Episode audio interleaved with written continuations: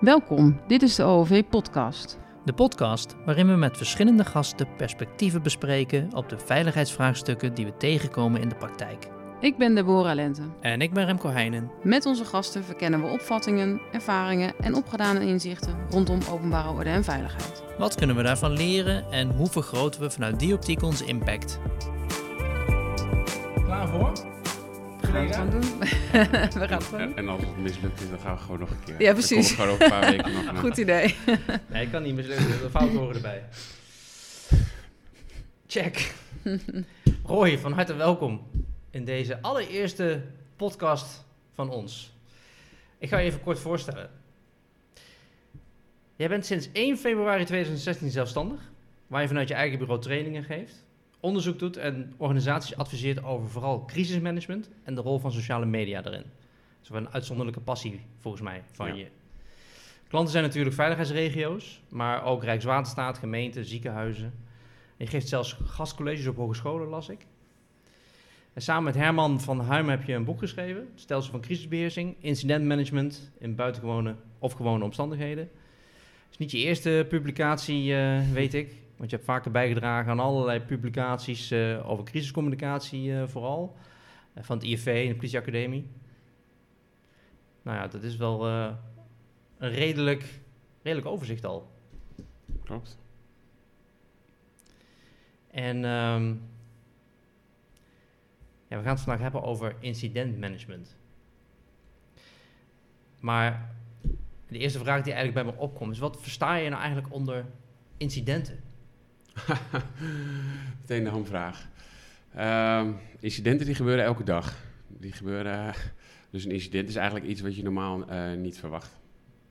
Punt. Oh, dat is wel je- een heel hele kort. eenvoudige. Ja, dat is, dat, ja, zo zou je hem kunnen beschouwen.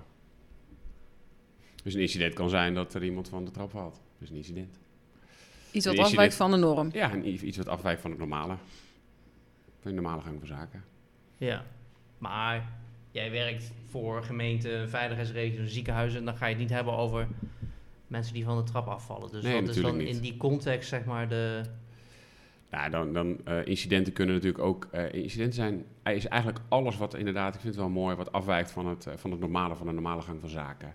Ehm, en dat kan van alles zijn. Dat kunnen inderdaad, dat kunnen bestuurlijke zaken zijn. Dat kunnen verzekeraars zijn. Als je naar ziekenhuizen gaat die niet uitbetalen. Het kunnen eh, verkeerde uitspraken zijn. Je denkt, oh nu komt in één keer iedereen eh, over me heen. Ehm, maar het kan ook gewoon eh, veiligheidsissues zijn natuurlijk. En daar zit natuurlijk wel meer mijn focus meer op het veiligheid. Dus ehm, de veiligheid die we voor onze inwoners willen garanderen, of voor onze medewerkers, of überhaupt de, de veiligheid van het gebouw. Dus dat is breed, maar ik zit dan met name op die maatschappelijke component. En dan de incidenten, ja, daarbinnen. Ja, want wat, wat is jouw, jouw, jouw ultieme missie daarin? Nou ja, elke training eh, begin ik eh, met, met mezelf voor, heel kort voor te stellen. Eh, en, probeer ik nog korter te doen dan dat jij dat doet. Maar mijn missie is eigenlijk dat ik teams wil helpen en mensen wil helpen om ehm, zo scherp mogelijk hun eigen rol in dat, dat stelsel van incidentmanagement eh, ehm, eh, te ontdekken.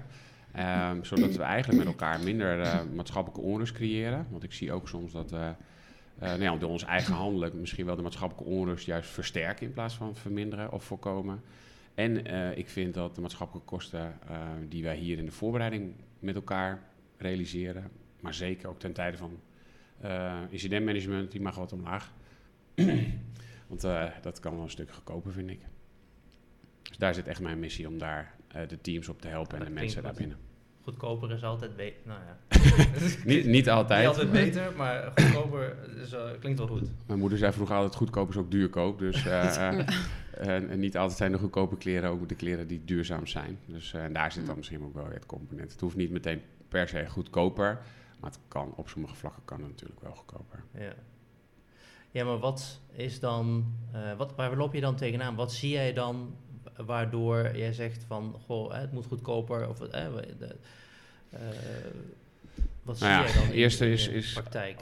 Eh, als je dan toch kijkt naar, is het eerste is dat we eh, heel veel mensen hebben die we opleiden. Nou, die opleidingen kosten Mhm. geld. En dan kan je zeggen, ja maar Roy, daar verdien jij toch ook aan, want je bent zelfstandige. Dus, dus hoe- eh, vind je dan dat je mensen minder moet opleiden? Ja, eigenlijk wel.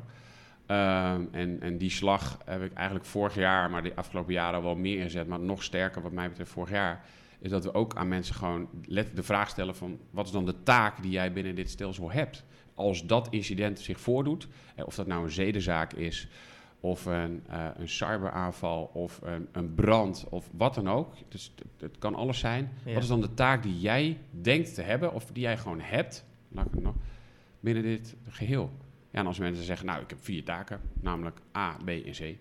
Nou, dan kan je dan afvragen van A, B en C, heb je daar kennis van of niet? Weet je wat je moet doen? Heb je taakrelevante kennis, noem ik dat. Dat is weggeman. Ehm, en als diegene zegt ja, oké, dan hoef ik je daar niet op te leiden. Dat scheelt. Vink. Maar dit geldt Ja. voor alle, hè, als we het even over de context van de veiligheidsregio hebben, dat geldt voor zowel politie, brandweer, Absoluut. de GOR en de Ja, gemeente. en ja, eventueel andere ketenpartners. Ja, het kan, toch, het kan sowieso niet zijn, en dat is dus het interessante, dat we bij brandweer zeggen we altijd, ja, een brandweerman hoeven niet uit te leggen hoe die de brand moet blussen. M- maar dan mag is het je wel... ervan uitgaan dat hij dat weet. Ja, maar waarom moeten we dan be- wel be- bestuurders ehm, blijkbaar opleiden om besluiten te nemen? Of om vergaderingen te leiden? Dat vind ik echt heel raar. Dan, dan doen we dus net of dat bestuurders normaal gesproken niet vergaderen. Of dat adviseurs, dan gaan we in één keer strategisch adviseren opleiden. Denk ik serieus, maar als jij toch gewoon werkt in een gemeente, dan als het goed is, geef je elke dag wel een advies. Gevraagd of ongevraagd. Hmm. Moet ik jou dan extra voor opleiden? Of omgevingsanalisten, een specifieke doelgroep. Dan gaan we een hele training bedenken van meerdere dagen om omgevingsanalisten op te leiden in crisisbeheersing. Dat ik denk, ja, vind, dan maakt het wel te spannend met elkaar. Maar ik kan me wel een beetje herinneren dat op een gegeven moment bij gemeenten werd sociale media nog niet, was, niet, was nog niet zo'n ding. Maar bij crisisbeheersing of crisismanagement was Ja. dat wel. En toen dachten we, hé, hey, we moeten aan media management gaan doen. Of we noemden dat toen in het begin. Media Eh, watching. Watching, Media ja. watching, inderdaad. Ehm, en dat is uiteindelijk dan de omgevingsanalist geworden. Ja, Ehm, en toen hadden we wel omgevingsanalisten binnen de crisiscontext, Yes. maar nog niet lokaal. mooi bruggetje. Ja, nou ja, en daar zit eigenlijk ook de filosofie eh, die Herman eh, van Heijem, dus, eh, maar goed, even van Huum zei. Oh, pardon. Laten we, laten we deze podcast niet terugkijken.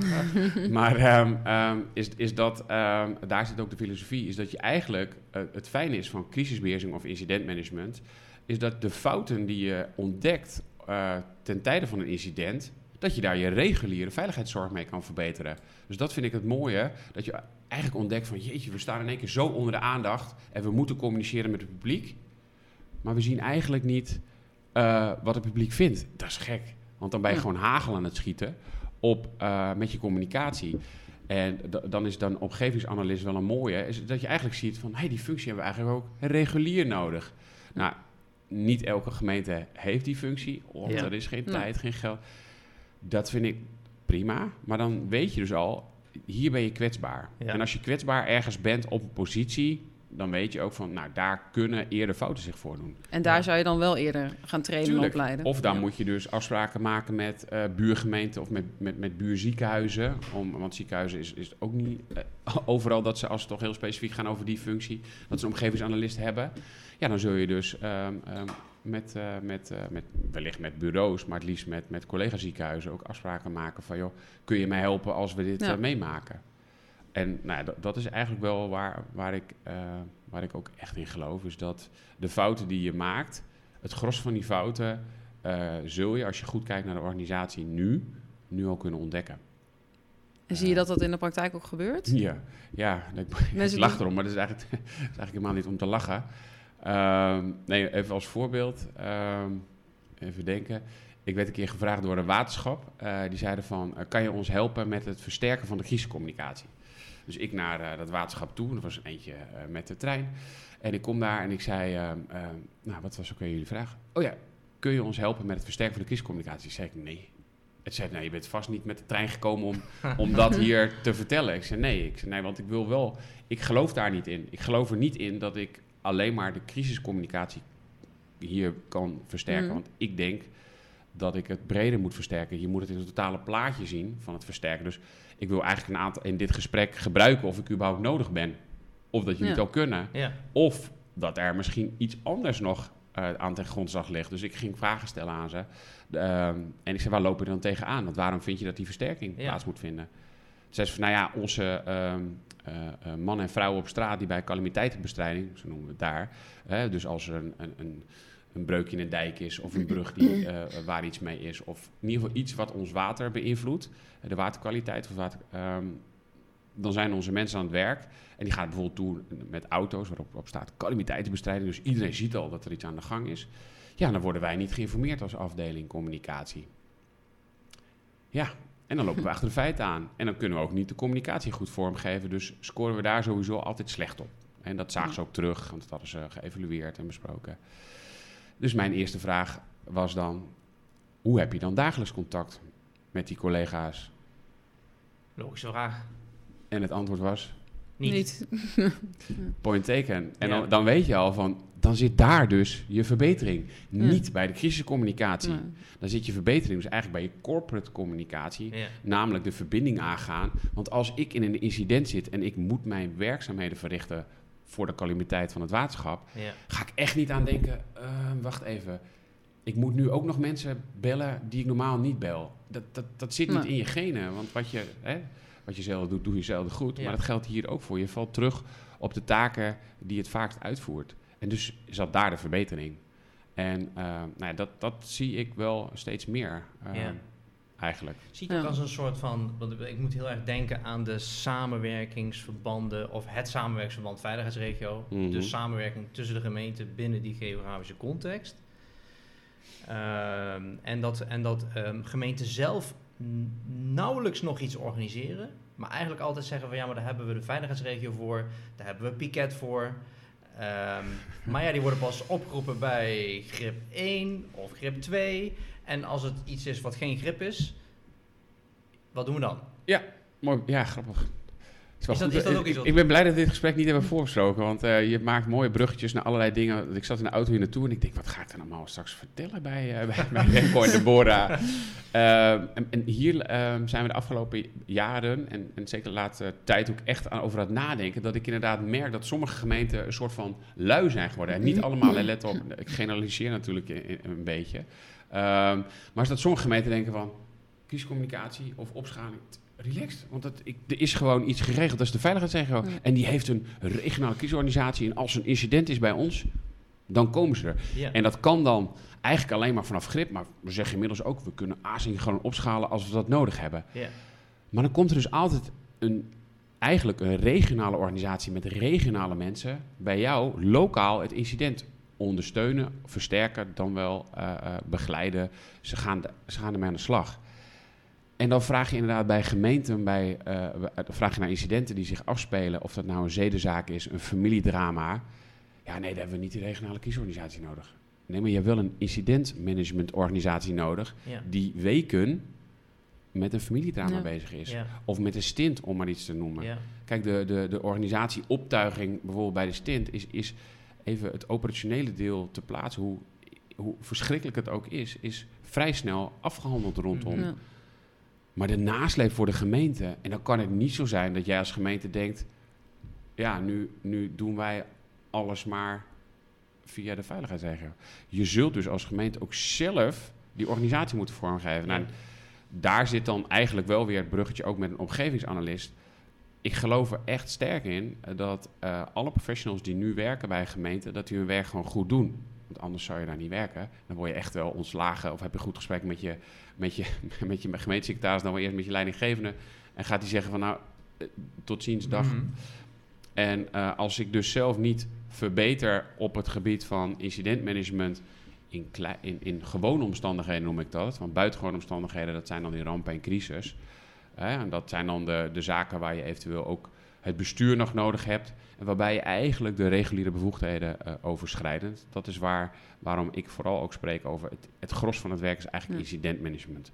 We komen nooit in die buitengewone omstandigheden die wij dan juridisch gezien ramp en crisis noemen. Het wordt ook wel eens mini-crisis genoemd, wat vind je van ja, die term? Dat vind, dat, ja, prima als je dat zo gaat noemen, maar ik heb liever dat gewoon incidenten noemen. Want mini-crisis, uh, het woord crisis heeft voor, mij een andere, ja, heeft voor mij een andere betekenis. En ik uh, geeft die betekenis vanuit bevoegdheden eraan. Um, en sociologisch gezien, als ik iets een crisis noem, um, dan, dan, vinden, dan heeft dat een sterkere lading. Ja. Dus nou, ik, zou, ik heb liever dat we het incidenten ge, gewoon noemen. Um, om ook dichter, maar dat, daar zit ik dus echt wel over na te denken, om ook dichter te blijven bij de mensen die het regulier doen. Want als je dan eh, gaat bijvoorbeeld naar schietincidenten, schietpartijen, waar diverse gemeenten in ons land eh, steeds meer mee te maken krijgen, Mhm. dan is er echt in die gemeente wel een incidentmanagementorganisatie actief. En dan wil je dat Ja. echt zelf wel managen hoor. Dan wil je niet dat een, een Ja. AOV'er of een communicatieadviseur van een derde bij jou komt. Want je wilt het toch doen met de mensen die je het meest eh, eh, om je heen heeft elke dag. Ehm, en dan wil je je eigen incidentmanagementteam. Dus je ziet een ontwikkeling gaande nu Ja. eh, naar ehm, diverse veiligheidsregio's, maar eh, die nu weer naar gemeentelijke managementteams gaan. Ja. Oh, dat is Ja. eigenlijk wat we vroeger hadden. Ja. En enerzijds vind ik dat een supergoeie ontwikkeling. Ja. Want dan zie je de veiligheidsregio eigenlijk als resource pool en als ondersteuning. En wat, ik, wat we laatst tijdens een, eh, een opleiding hoorden, die zei van wij moeten hier binnen deze gemeente gewoon eigenlijk onze eigen incidenten kunnen managen. Maar we hebben al geconstateerd, voor sommige functies, omgevingsanalist, of voor sommige functies hebben we maar één of twee mensen. Dan kom je al snel in de knel. Dus zul je ondersteuning nodig hebben van een grotere broer of van die veiligheidsregio. Super, dat vind ik top dat je dan die veiligheidsregio hebt. Maar je zult het eerst zelf moeten managen. Mhm. En toen zei eh, steeds meer mensen ervaren dat bij de opleidingen. Misschien ook wel dat we daar wat op sturen. Geniet dan gewoon van de opleiding die je geboden krijgt in buitengewone omstandigheden. Want als ik het ook Ja. in buitengewone omstandigheden al kan, in situaties waarbij er veel dreiging is, waarbij er grote onzekerheid is, waarbij er gebrek aan informatie is en waarbij je misschien een wat complexere situatie hebt dan de Mhm. reguliere incidenten. Als ik dat ook kan, Ja. dan kan ik ook de reguliere incidenten aan. Dus geniet gewoon van het, vers- van het feit dat je opgeleid wordt in nog moeilijke omstandigheden, om het bijna zo te gebruiken. Zodat je het ook gewoon tijdens gewone omstandigheden kan Ja, toepassen. ja, En eigenlijk is dat de filosofie die, eh, die, die, die de onderzoeksraad gebruikt. Dat heet de tripod-analyse. Is eigenlijk terugkijken waar zitten de latente systeemfouten. En dan gebruik je dus de crisisbeheersing eigenlijk voor het versterken Ja. Van je reguliere veiligheidszorg Het normale. Ja. Ja. voor het normale. Ja. En Herman, eh, eh, die zegt van, eh, laten we gewoon elke dag in grip 2 gaan zitten. Jola de je, jola de je, elke dag grip 2. Want dan, dan, blijkbaar, hebben we dat elke keer nodig om een verbetering te hebben van de reguliere veiligheidszorg. Ja. En dat is Ja. natuurlijk, het zou gek zijn dat je elke keer een bijzondere organisatie nodig hebt, ook voor de reguliere veiligheidszorg.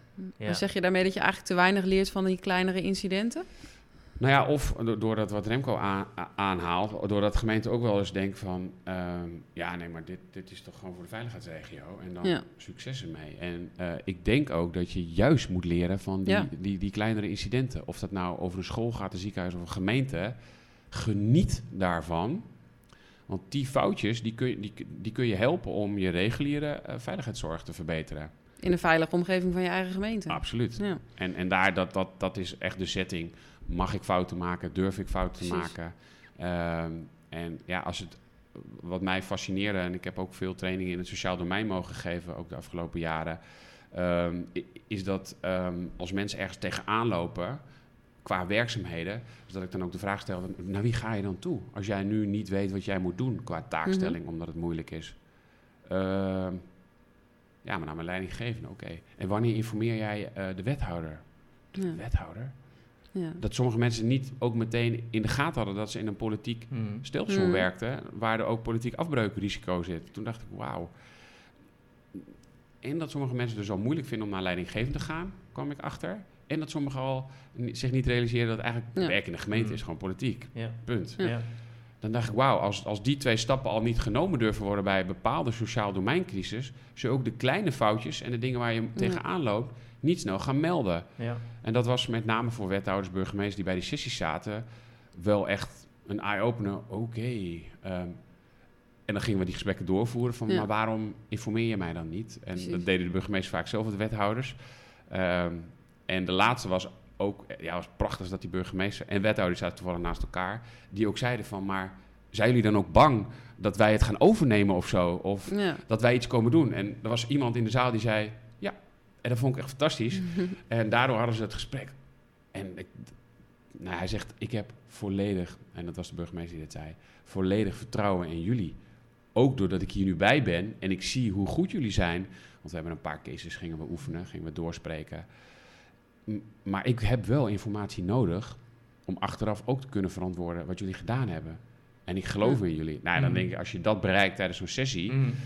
geheid dat die organisatie, en toevallig sprak die burgemeester laatst op een andere bijeenkomst, die zei van ja, die, die bijeenkomst was, eh, ja, was voor mij heel waardevol, maar ook voor mijn wethouder, maar ook voor onze medewerkers. Want Ja. die realiseerden zich dat ze eh, gewoon wat eerder bij ons naar binnen kunnen stappen, als ze ergens tegenaan liepen bij een complex probleem. Ehm, en en nou ja, we, we, zijn, we worden gewoon beter met elkaar. En daar, daar word ik dan daar word ik heel Ja. blij. Ja. Dan word ik natuurlijk zielsgelukkig dat ik denk, zie je, dan weet je dat je eerder elkaar gaat bereiken. Dan weet je dat je eh, het niet meteen groot hoeft op te schalen. Want dan is dat is het idee van, nee, als we opschalen, dan bereiken we elkaar. Maar misschien is de neiging tot opschaling er ook wel als je de, de competenties zelf of de organisatie of de vorm, de structuur nog niet hebt zodanig. Klopt. Dan is de Eh, opschaling de pleister precies, om met elkaar in gesprek ja. te gaan. Maar niet Ja. per se de oplossing voor No way. die je... Er, is, er zijn waterschappen geweest in ons land die bij de hoogwatercrisis naar een crisisstructuur moesten gaan. Omdat hè, twee, ze hebben bijvoorbeeld de afdeling waterkering en watersysteem. Die twee afdelingen praten regulier niet met elkaar.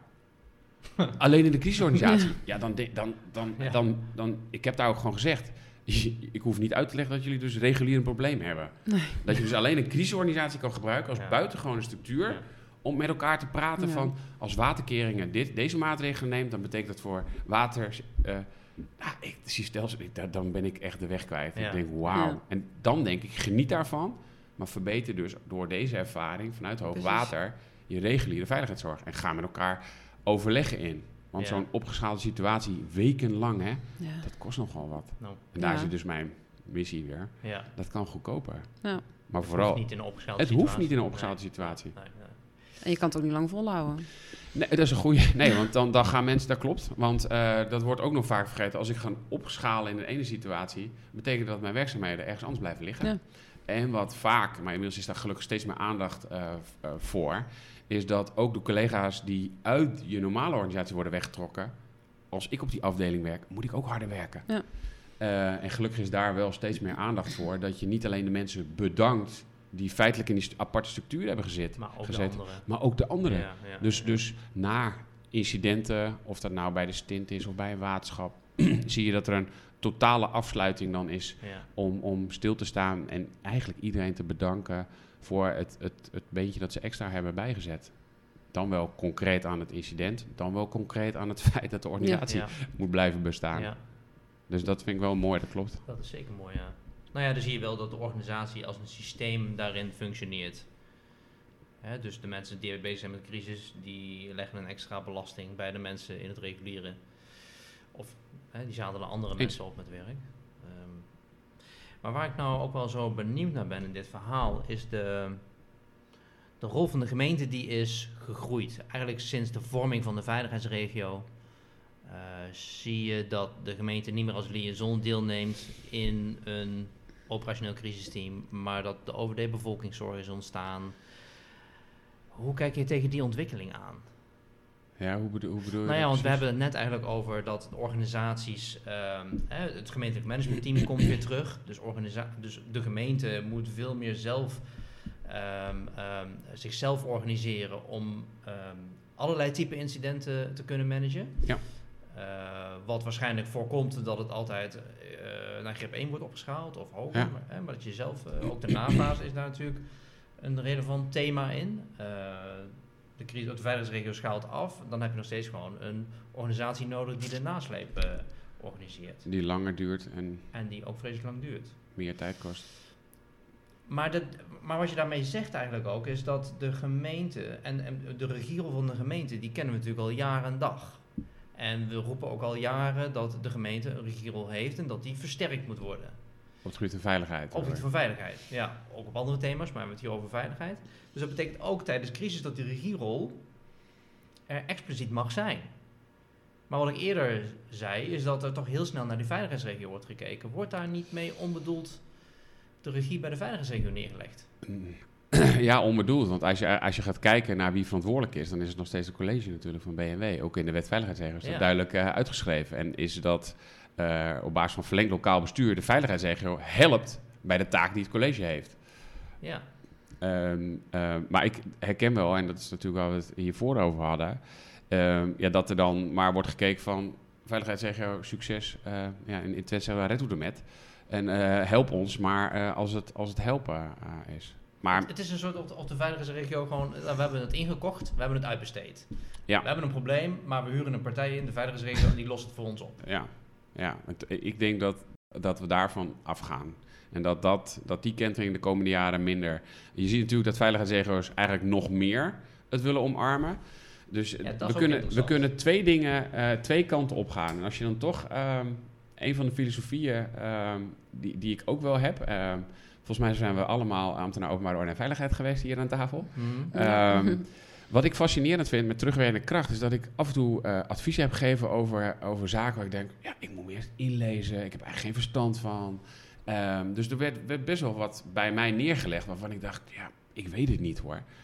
Als je het nou eens omdraait en, en ook daar de bundeling van, van ziet, en je ziet eigenlijk de gemeenten eh, ehm, in een veiligheidsregio als je, als je afnemers van veiligheidsadviezen, die voor veel gemeentes hetzelfde zijn, kan je al die kennis van de OOV'ers bundelen bij de veiligheidsregio. Dus dat betekent dat we geen ambtenaren openbare orde en veiligheid meer hebben, maar dat we een bureau openbare orde en veiligheid bij de veiligheidsbureau eh, hebben. Waarmee dus de veiligheidsregio voor allerhande veiligheidsvraagstukken Mhm. de adviseur wordt van de burgemeesters in de gemeente. Dat betekent dat je namelijk ook naar versterking kan gaan op het totale ge- gebied van risico- en incidentmanagement vanuit de veiligheidsregio. Want dan doen we het allemaal op dezelfde manier. We spreken dezelfde taal. We hebben een totaal overzicht. We hebben een enorme kennisbundeling bij de veiligheidsregio. En waarbij je ook nog, als we dan toch, want veel directeuren zouden graag een rol willen vervullen, de directeur van de veiligheidsregio dan als strategisch adviseur, als vooruitgeschoven post. En het OOV-bureau is een soort adviesgroep eh, waar je kennis bundelt. Ideale oplossing. Nou, ik denk dat heel veel mensen gaan stijgeren bij dit idee. Ja, nou, waarom dan? Lokale kennis, context, begrijpen van je gemeente, begrijpen van je inwoners en op basis daarvan. Ja, maar, zo, maar, voor zo, maar die kennis kan je toch nog steeds ook. eh, eh, je, kan, je hebt twee dingen. Je, je- en ik noem dat dus eh, contextrelevante kennis en taakrelevante kennis. Wat Mhm. jij eigenlijk zegt is dat de contextrelevante kennis ook belangrijk is. Zeker. Die kan je nog steeds in de gemeente eh, laten. Want dat betekent namelijk dat het advies wat je op basis vanuit de inhoud, vanuit de taakstelling die er is, voor het probleem dat je hebt, het evenement eh, wat er is, of de cyber of de georganiseerde criminaliteit, dat je die kennisbundeling over het veiligheidsprobleem elders hebt, maar dat je de lokale context, want de besluitvorming zal natuurlijk altijd lokaal gebeuren, Ja. die lokaal gewoon toevoegt. Want de betekenis die ik geef aan een advies, kleur ik altijd lokaal in.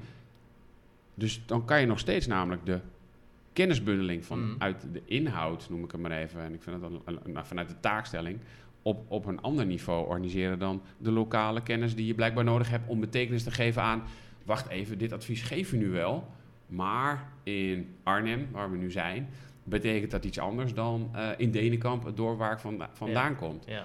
die kleuring kan dan nog steeds lokaal gebeuren door Ja.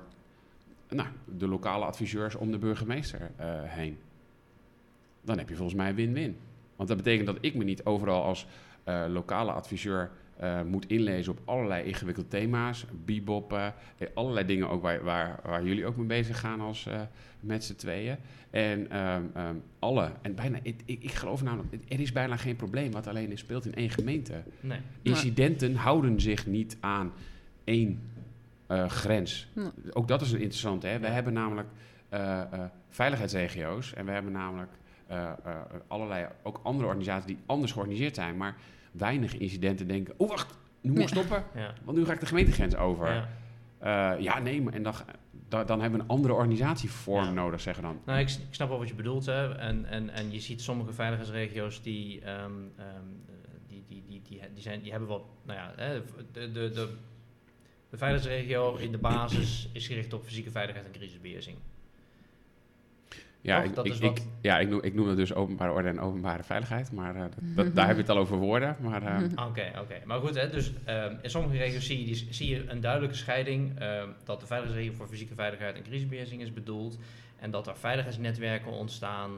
Eh, in Midden-Nederland heb je een bekend veiligheidsnetwerk en, en die voorzien eigenlijk in wat jij net omschrijft als taakgerichte kennis en die ondersteunen gemeenten.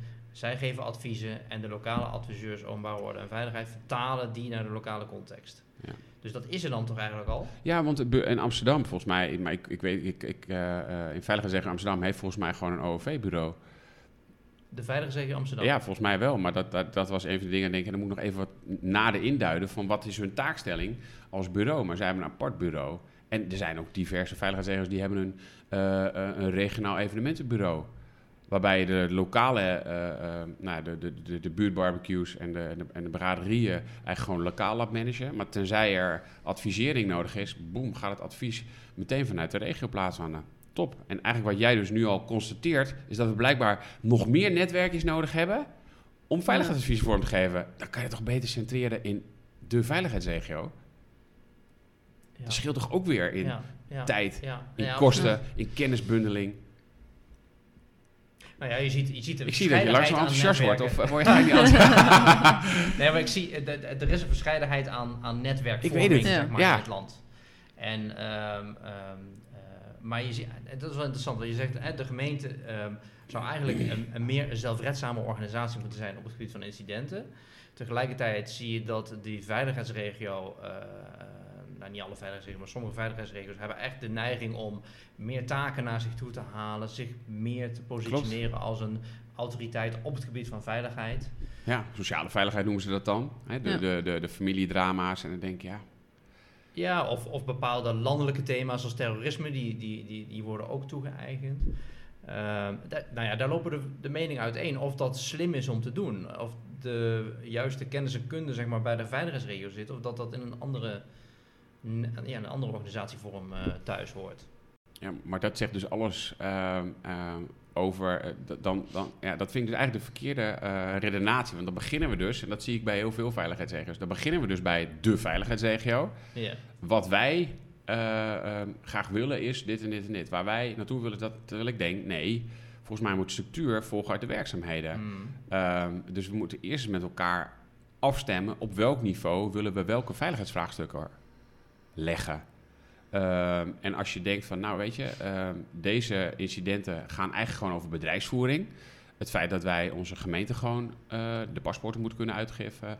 eh, dat wij gewoon alle, allerhande zaken die een gemeente moet doen, kunnen doen. Mm. Incidenten daarbinnen moeten wij gewoon echt zelf kunnen managen. Als namelijk de gemeente uitvalt door wat dan ook, een brand eh, of door een stroomstoring, moeten wij gewoon ons bedrijf als gemeente Ja. kunnen runnen. Ja. Als het moeilijker en complexer wordt, nou, misschien hebben we dan andere mensen nodig die ons daarbij helpen en ondersteunen. Die kennisbundeling is dus de vraag: ga ik dat in allerlei afzonderlijke netwerkjes organiseren? Wat dus nu inderdaad al gebeurt. Ja. Of ga ik dat ook misschien bundelen? En dan wel, wat mij betreft, dat is dus hoe ver ga je. En ik noem het dus alleen maar op het gebied van openbare orde en veiligheid. Want dat is even nu de taakstelling zoals die gegeven is aan de, aan de, aan de veiligheidsregio. Ehm, of ga ik nog breder daarbinnen? Eh, nou, ja, dan, want dan zul je ook als veiligheidsregio kennis moeten binnenhalen Ja. over, eh, over economische veiligheid of over, over rechtsorde. Want daar ga je eigenlijk niet over. Dat ligt bij de politie en bij het OM. Criminaliteit. En over criminaliteit is, is het gros van criminaliteit is natuurlijk rechtsorde. Daar ga je als veiligheidsregio in beginsel niet over. Ja. Ja. Alleen de gevolgen daarvan, en dat is natuurlijk het gesprekje wat vaak is. Ik hoor hier het terrorisme zeggen, daar gaat de veiligheidsregio niet over. Nee, maar de gevolgen, dus terrorisme Ja. gevolgbestrijding, Mhm. daar weer wel over. Mhm. En zo zie je ook dat, ehm, ja, ik, ik, sorry dat ik zo plat zeg, maar ik, je, lult, je kan alles naar de veiligheidsregio lullen. Omdat alle Mhm. incidenten die er zich afspelen, en dat is mijn weddenschap ook die ik wel eens geef, eh, kunnen uiteindelijk een openbare orde of een openbaar veiligheidsvraagstuk veroorzaken. Ja. En openbare veiligheid in mijn optiek gaat dus, of, of niet in mijn optiek, eh, zoals het beschreven is, is, gaat het dus over mensen, zaken en milieu. Mhm. En de fysieke aantasting van mensen, zaken of milieu. Mhm. Elk incident eh, kan uiteindelijk iets betekenen voor, voor mensen. Ja, ja. En openbare orde aantasting kan Nou ja, natuurlijk ook ontstaan daardoor. ja. Als ik Ja. steeds bozer word eh, en dan ga ik denk ik ga bij de gemeente wel eens even verhalen halen of bij dat ziekenhuis, want ik hoor niks. ja, dan heb ik potentieel openbare ordeprobleem. Ja, ja. Nee, ja, dus, eh, bijna altijd eh 99% eh, betrek- heeft het betrekking op mensen, Daarom. op inwoners of op klanten. Of Ja. kan het hebben. En dus kan Ja. die veiligheidsregio ook een rol hebben. Maar dat is dus de vraag, Als waar ga ik... lokaal bestuur van de gemeente, want het gaat natuurlijk uiteindelijk... Nee, eens, eens. Ja. Maar dan ga ik, waar ga ik me dan op voorbereiden? En dat is dus het andere. Maak het dan niet zo bijzonder. Want de oorzaak waardoor iets gebeurt...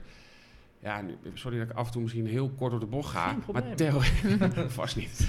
Terrorisme, ja, hoe anders is dat dan dan een brand of een stroomstoring? Hoe anders is dat dan dan Ja. een cyber? Ja. Weet je, Ja.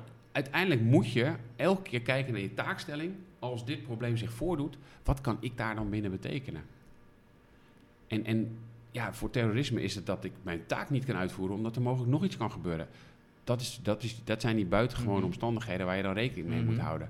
Maar je werkzaamheden voor, voor- verder als brandweer, als ambulanceverpleegkundige, als politie, worden niet anders. Alleen de context waarbinnen ik werk, die wordt anders. Precies. En mogelijk bestuurlijke politieke gevolgen. Ja, Ja, Ja. Nou, die zijn er ook soms bij branden, kan ik ja eh, nee, dat is zeker. weten we ja. eh, uit het verleden. Ja. Dus dat speelt altijd. Ja. Maar dat geldt Ja. dus ook voor, eh, ehm, eh, voor, voor bijvoorbeeld, eh, ik, toen, toen we net hadden over die bedrijfsvoering van de gemeente. En eh, eh, we hebben gezien dat de grieppandemie een, een interessante periode is geweest. Omdat steeds meer bedrijven dachten, Ja.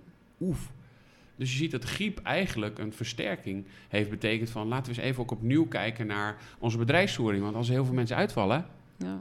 Oeh, dan zijn, wat zijn dan eigenlijk onze primaire processen die we wel doorgang willen laten Ja. vinden? Ja. Hoeveel ziekenhuizen hebben eh, bepaalde processen moeten stopzetten omdat er te weinig medewerkers waren? Nou, Pijnlijk. nee, maar nou ja, ik, ja, zo kan je zeggen, maar ik, ik denk ook, het, het, het, als het nog nooit gebeurd is, Ja. anticipatiekracht noem ik dat, kan je voor een groot deel doorvoeren. Maar voor sommige dingen moet het gewoon een keer gebeuren waardoor Ja, je denkt, ja. ah, en het, niet alles is te overzien en te overdenken. Mhm. Het, het grotendeel wel. Maar als je dan je ogen sluit voor en het gaat nog een keer gebeuren, griep, en je hebt niet uitgelegd wat je eraan gedaan hebt en de verbeteringen niet doorgevoerd, dan Ja. wordt het pijnlijk. Dan wordt het nog Ja. pijnlijker. Dan Ja, wordt het pijnlijker. ja, ja. En dat is natuurlijk Ja, de, ja, de ja. stap die je maakt door te Ja. leren van, van die incidenten. Nee, want er is natuurlijk altijd wel een, eh, een, eh, er is altijd wel een verwijt richting de organisatie van ja, dit had je een keer kunnen zien aankomen, ook als het de eerste keer gebeurt. Ja, maar ja, ja dat klopt. En, en dat is dus... De eh, tweede keer dan. eh, de tweede en keer wordt het pijnlijker. Dan wordt het Ja. echt Eens. een blamage. Ja. En, en ja, het gros, en, en daar zit wel, ehm, ik, ik denk dat we meer kunnen anticiperen eh, dan wat we op dit moment doen, ja.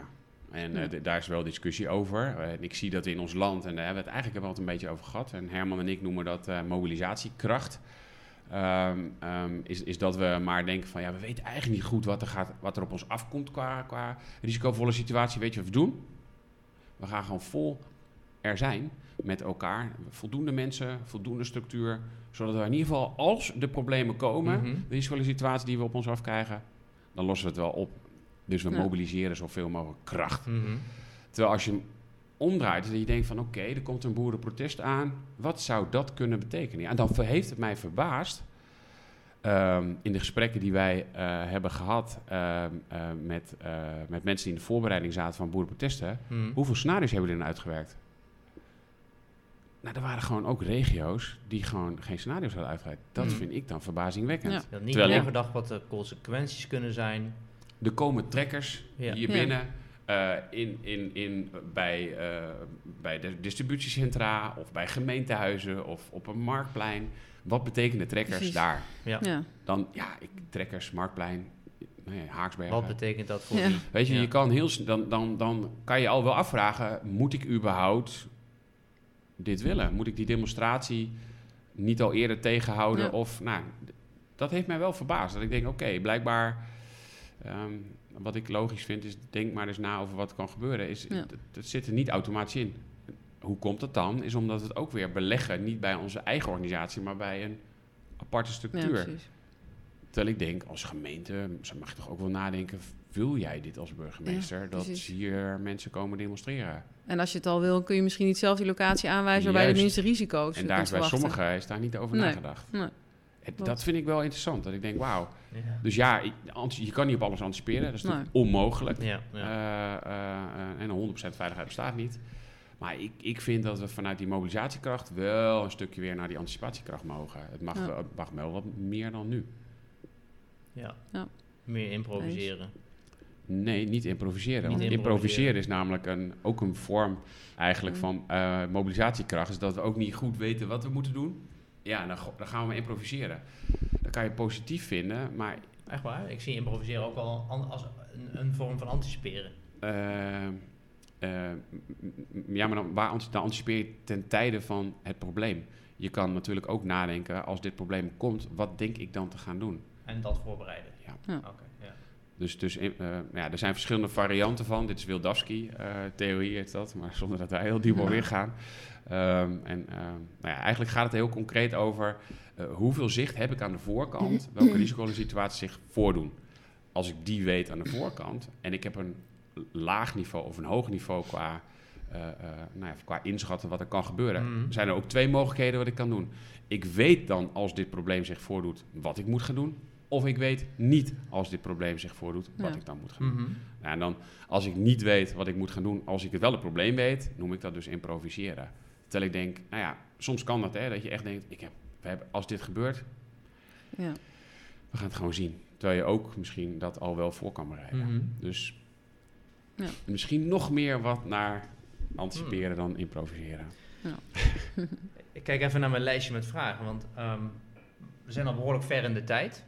Ehm, en we willen hem niet eh, heel lang eh, eh, laten worden. Maar wat ik dan wel benieuwd ben, is dat, dat ik heb je leren kennen als een, als een zeer ambitieuze collega in dit werkveld. En, eh, en ik heb je leren kennen als iemand die met nieuwe ideeën voorop durft te lopen. en dat, eh, dat respecteer ik. Maar het wordt niet altijd gewaardeerd. Soms Nee. wordt het minder gewaardeerd zelfs. Ja. Als je jezelf voorop stelt en eh, nieuwe ideeën verkondigt. Hoe kijk je daar tegenaan? Ja, dat is wel grappig. Ja, en in de auto vanochtend dacht ik van wat zijn lessen die ik, eh, nou niet alleen in deze afgelopen vier jaar als zelfstandige, maar ook bij VDMP eh, waar ik gewerkt heb, heb opgedaan.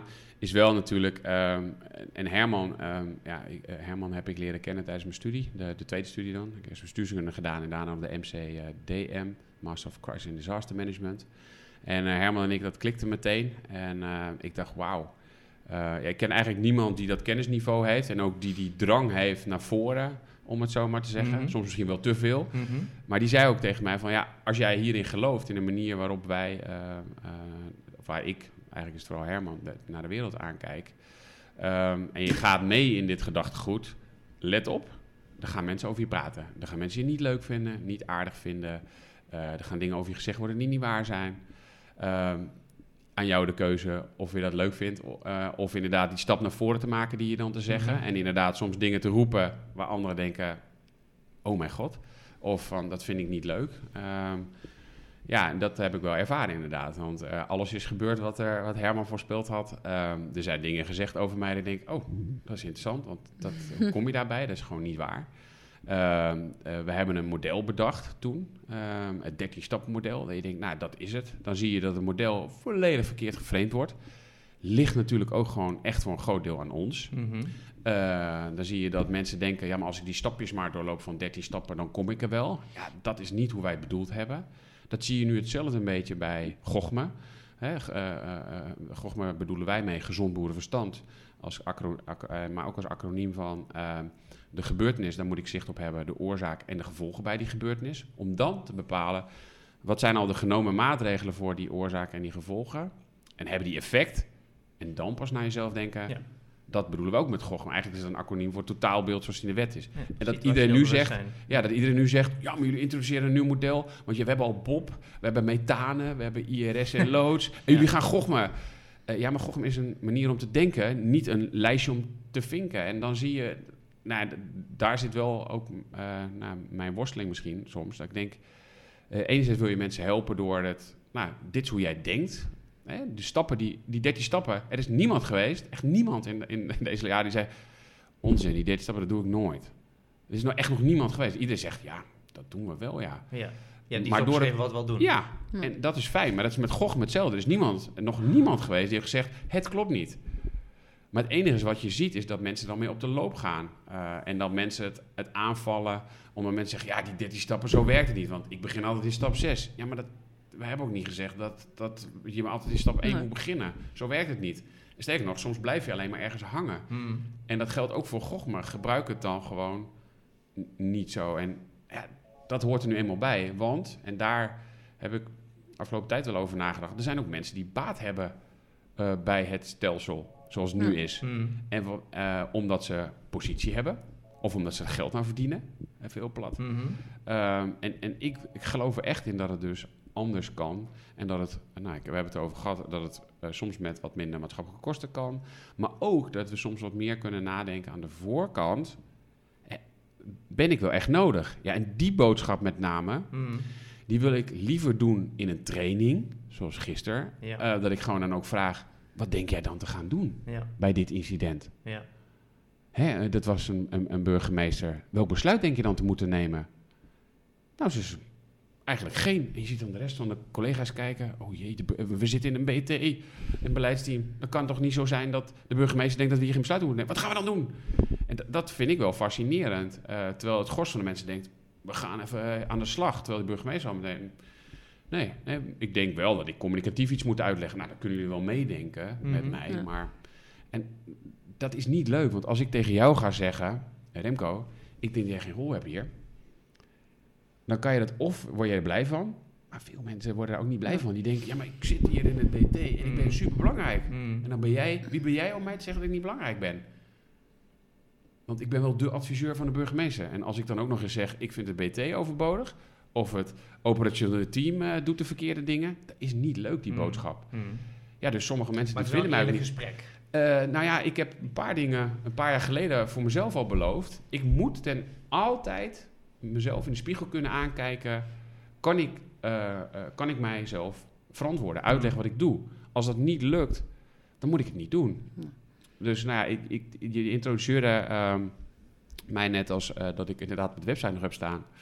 Eh, onderzoek, advies en trainingen. Maar onderzoek eh, doe ik amper Ja. eh, meer omdat ik merk dat ik in bijna elke regio zit. Een paar regio's de train ik niet. Ehm, ehm, dan kan het niet zo zijn dat ik daar ook nog de onderzoek ga doen, de evaluatie ga doen. Omdat het altijd ook wel raakt aan opleiden, trainen die ik daar wel doe. Mm. En dan wordt het een beetje schoenmaker. eh, Mm. of ik Ja. bedoel, de Slager die zijn eigen bij, slager die zijn eigen vlees Ja. eh, eh, keurt. En daar ben ik wel ook ehm, voorzichtig in. Maar ik vind wel, ehm, ja, mij maakt het echt niet uit of dat jij nou burgemeester bent of dat jij gewoon een brandweerman op straat bent. Mm. Eh, en ik zei gisteren bij de introductie ook van, ja, eh, mijn missie is om het, eh, nou, vertelde ik. En ja, dat, dat, ik vind dat degene die de brand aan het blussen zijn, die vind ik misschien nog wel belangrijk dan de burgemeester. Nou, zij moest gelukkig heel hard lachen, maar eh, nou, je begint lekker, eh, zei ze. en zeg ik ben blij dat ik je al langer ken. Ehm, maar, maar niet iedereen vindt dat natuurlijk leuk, zo'n uitspraak. Die denkt, wat ben jij nou voor iemand? Want we zitten hier wel even met het bestuur. Ja. Terwijl ik denk, ja, ga er even aan staan dat jij acht uur lang soms bij een brand staat te blussen. Ja. He- daar heb ik echt, ja, daar heb ik, dat vind ik zoveel knapper Ja. dan een bestuurder die uiteraard de eindverantwoordelijk is, soms het bokje is, soms de sjaak is Ja. en de pisang. Eh, ja, dat, dat hoort bij die functie. Maar dit, hè, Ja. dus als mensen zeg maar ehm, ehm, eh, dingen over jou zeggen die niet waar zijn, of, eh, of je gewoon afzeiken op een, een of andere lullige manier. Wat doet dat dan met jou? Ik bedoel, ik kan me ook voorstellen dat het je onzeker maakt. Zo van ja, heb ik wel, heb ik wel eh, het, het goede voor ogen? Is, is wat ik zeg wel eh, zinvol? Of, ja, eh, gelukkig, oh sorry ja, dat ik je onderbreek. Nee, gelukkig word ik er niet onzeker van. Oké. Die tijd heb ik wel gehad en misschien heeft daar de MCDM mij wel ook wel wat verder in gevormd. Omdat ik ook wel weet, en ook als trainers eh, eh, weet je dat ook. Het kan nooit zo zijn dat je in, in, in, in een groep van 12 man, 12 mensen eh, tevreden krijgt. Ja. Dat lukt gewoon Nee, niet, om het zo maar te nee, zeggen. is- Eh, en dat geldt ook in, in de samenleving. Dus als mensen iets van mij vinden, vind ik het juist super interessant en leerzaam om met die mensen in gesprek te gaan. En dat geldt eigenlijk. ehm, nou, ik, ik zit ook in het bestuur van de voetbalvereniging eh, bij ons in, in Amersfoort. D- dat zijn niet dezelfde mensen. Maar de discussies die we hebben in het bestuur is zo fantastisch. Omdat sommigen zo anders denken dan dat ik doe. Ik kan daar zo van leren. En, en ik ga liever met die mensen dat gesprek aan van hoe ik naar de wereld kijk en hoe, hoe zij naar de wereld kijken. Ja, en dat, dat, dat heb ik liever dan dat je achter mijn rug om zegt van ja, dat, dat model en eh, die trainingen. Terwijl ik denk, kom, kom er gewoon eens bij zitten. Ja. En, en ga met mij dat dan gesprek dat dan ja, aan. Ja. ja, dus je ziet het vooral als leren op het moment dat mensen Ja. kritiek geven. ehm, dan neem je dat mee en Ja, want eh, als je terugkijkt, als je dan toch kijkt want ik, ehm, eh, naar hoe de trainingen die hoe wij die een paar jaar geleden hebben vormgegeven, en, en wij is dan, eh, met name Herman en ik, maar ook vanuit het IFV, ja, dat was bijna instrumenteel. Dat je zegt, nou Mhm. dan is dit inderdaad, ja, echt vanuit die stappen, Mhm. dan gaan we nu eerst even stap 1 oefenen, dan 2, dan 3. Ja, zo werkt het natuurlijk niet. Maar wij dachten toen, dat is de manier om, de- om te gaan trainen. Ja. Dat is de manier om het te gaan toepassen. Ja. Dat doen we nu niet. Dus als ik nu kijk naar trainingen, ja, ik wil niet zeggen dat ik me schaam, omdat in de context van waar ik toen zat qua Ja. ontwikkeling voor mezelf, Ja. was dat de juiste manier van trainen. Ja. Maar ik, ik, ik ben nu natuurlijk ook verder. En dat komt alleen maar door dat er altijd wel mensen in de groep zitten die zeggen: waar staat dat? Hoe kom je daarbij? En dan denk ik: oh, wacht even. Ehm, want heel vaak begin ik ook wel, eh, als ik iets vertel, als het eigen mening is, dan zeg ik: dit vind ik ervan. Maar het gros wat ik hier vertel is niet mijn mening. Het is alleen nou ja, door Herman en mij dan ook gebundeld in het boek, Ja. maar ook in de training verteld. Want het staat overal. Ik heb overal een bron voor. En dat was gisteren ook dat iemand zei: ja, het luchtruim sluiten.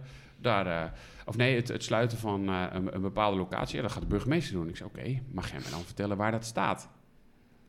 Ja, dat wist ze dan niet. Ik zei, nou, dan hoor ik dat na, dat, dat ga ik uitzoeken. Ik zei, top. Want, en dan, dan weet ik al ehm, dat ze waarschijnlijk tot ontdekking komt van, oeps, ik dacht dat het zo zat, maar zo zat het niet. En nou, dat, dat vind ik mooi, maar dat heb ik zelf ook. Dat ik af en toe denk, oeh, moet ik even weer degene bellen die de bestuurlijke netwerkkaart heeft gemaakt? Ja. Want dat is een lastig instrument om te lezen. En dan bel ik hem en dan zeg ik, eh, Marijn, hoe zit dit precies? Want klopt het dat ik, dat ik het zo moet lezen? Mm. Nou, zo hebben we eh, ook Ernst Bruinig, die we veel raadplegen. Eh, ook een van de grondleggers van de bestuurlijke netwerkkaarten. Ja, af en toe, het is zo complex opgeschreven dat het multi-interpretabel is. Mm. Ehm, ook in die wet natuurlijk. En, en daar zit wel, eh, ja, daar kan ik ook zo nog zoveel in leren. En daar zit echt wel mijn eigen drive. Hoe kan ik het zelf dan ook simpeler overbrengen? Mhm. En ik ben Ja. al een eind, maar ik ben er nog lang niet. Want, Mm. Eh, ja, het- het- het- dat is wel de weg die ik de komende jaren nog op af te leggen. Ja, dus dat is wel inderdaad ehm, belangrijk. Hè? Ook om te, eh, ik denk dat men dat soms ook vergeet, hè? dat de trainer zelf ook ontwikkelt. En Ja. dat de trainer ehm, ook continu beïnvloed wordt door inzichten van buitenaf. En dat kan dus ook de, de deelnemer in de training zelf zijn. Eens, 100%. Hè? Een hele Maar eigenlijk gaat het dan wel, en dat is eh, niet over de inhoud, want de inhoud, die is eigenlijk in de afgelopen jaren, zoals wij hem gegeven hebben, Mm. niet veranderd. Mm. Het zit hem dan echt in de vorm. Ja, Dus in ja. de manier waarop we het overbrengen, ja, of wanneer we het opschrijven. ja. En de modellen zoals wij die nu in het tweede boek eh, hebben opgeschreven, die zijn eigenlijk tot stand gekomen door de gesprekken van de trainingen, weet ik wat. Nu hebben we met elkaar, nou, met een aantal trainers zelfstandig, hebben we een, eh, eh, ja, een gilde opgericht. Dus eigenlijk is niet meer en niet minder, het is niet openbaar nog, dus ik zit nu te denken dat ik dit eh, hier zeg, maar goed, maakt niet uit. Ehm, eh, wel alleen maar om afspraken te maken over als wij trainingen geven, doen we dat vanuit deze filosofie. Ehm, En daar hebben we een tweedaagse gehad. Die tweedaagse heeft een verscherping betekend voor bijna elk model. Ja, Ja. dat is mooi. Ja. En dat ging dan echt op details. Ja, maar het- hier staat dat. Ehm, dan, dat geeft het mij deze betekenis, zei iemand. En een ander zei, ja, maar ik lees er dit in. Oké, hoe komen we dan met een groep van acht of negen man... Tot, tot datgene waar we overal Ja. mee kunnen werken? Want die modellen zijn voor ons allemaal, hè, voor ons negenen. Eh, ja, dat, dat vind, word ik, ja, dat vind ik, die twee dagen, dat vond ik, wel een, dat vond ik een super eh, eh, vorig jaar.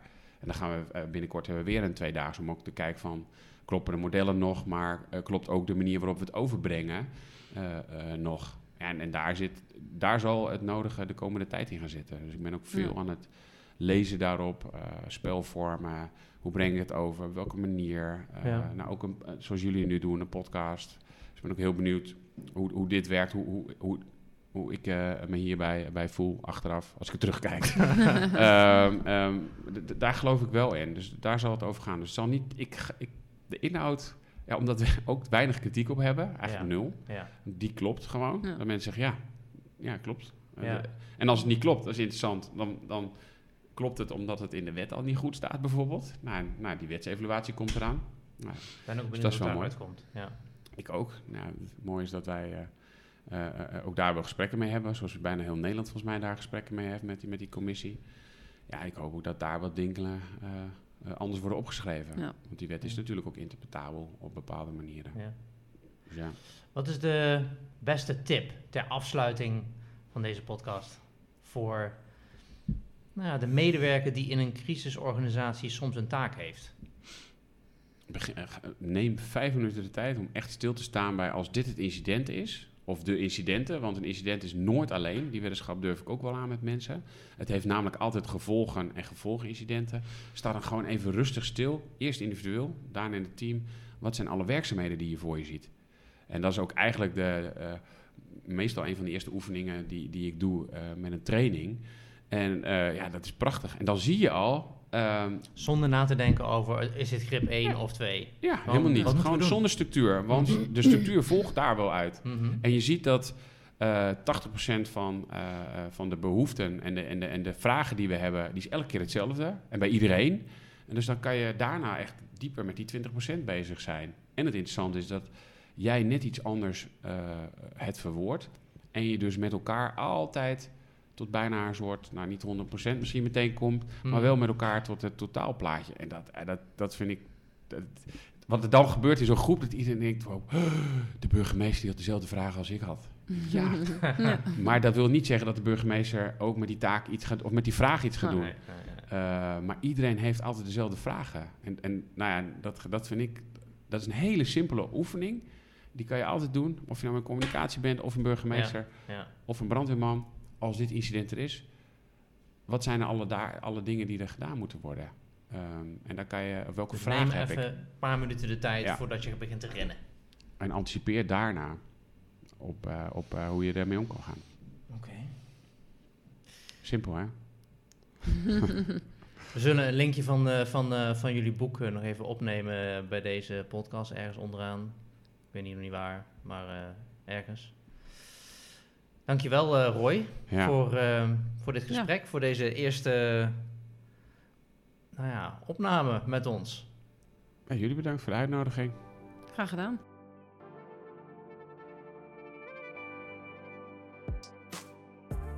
Bedankt voor het luisteren. Op oovonline.nl vind je de samenvatting van dit gesprek met verwijzingen naar meer informatie over het onderwerp.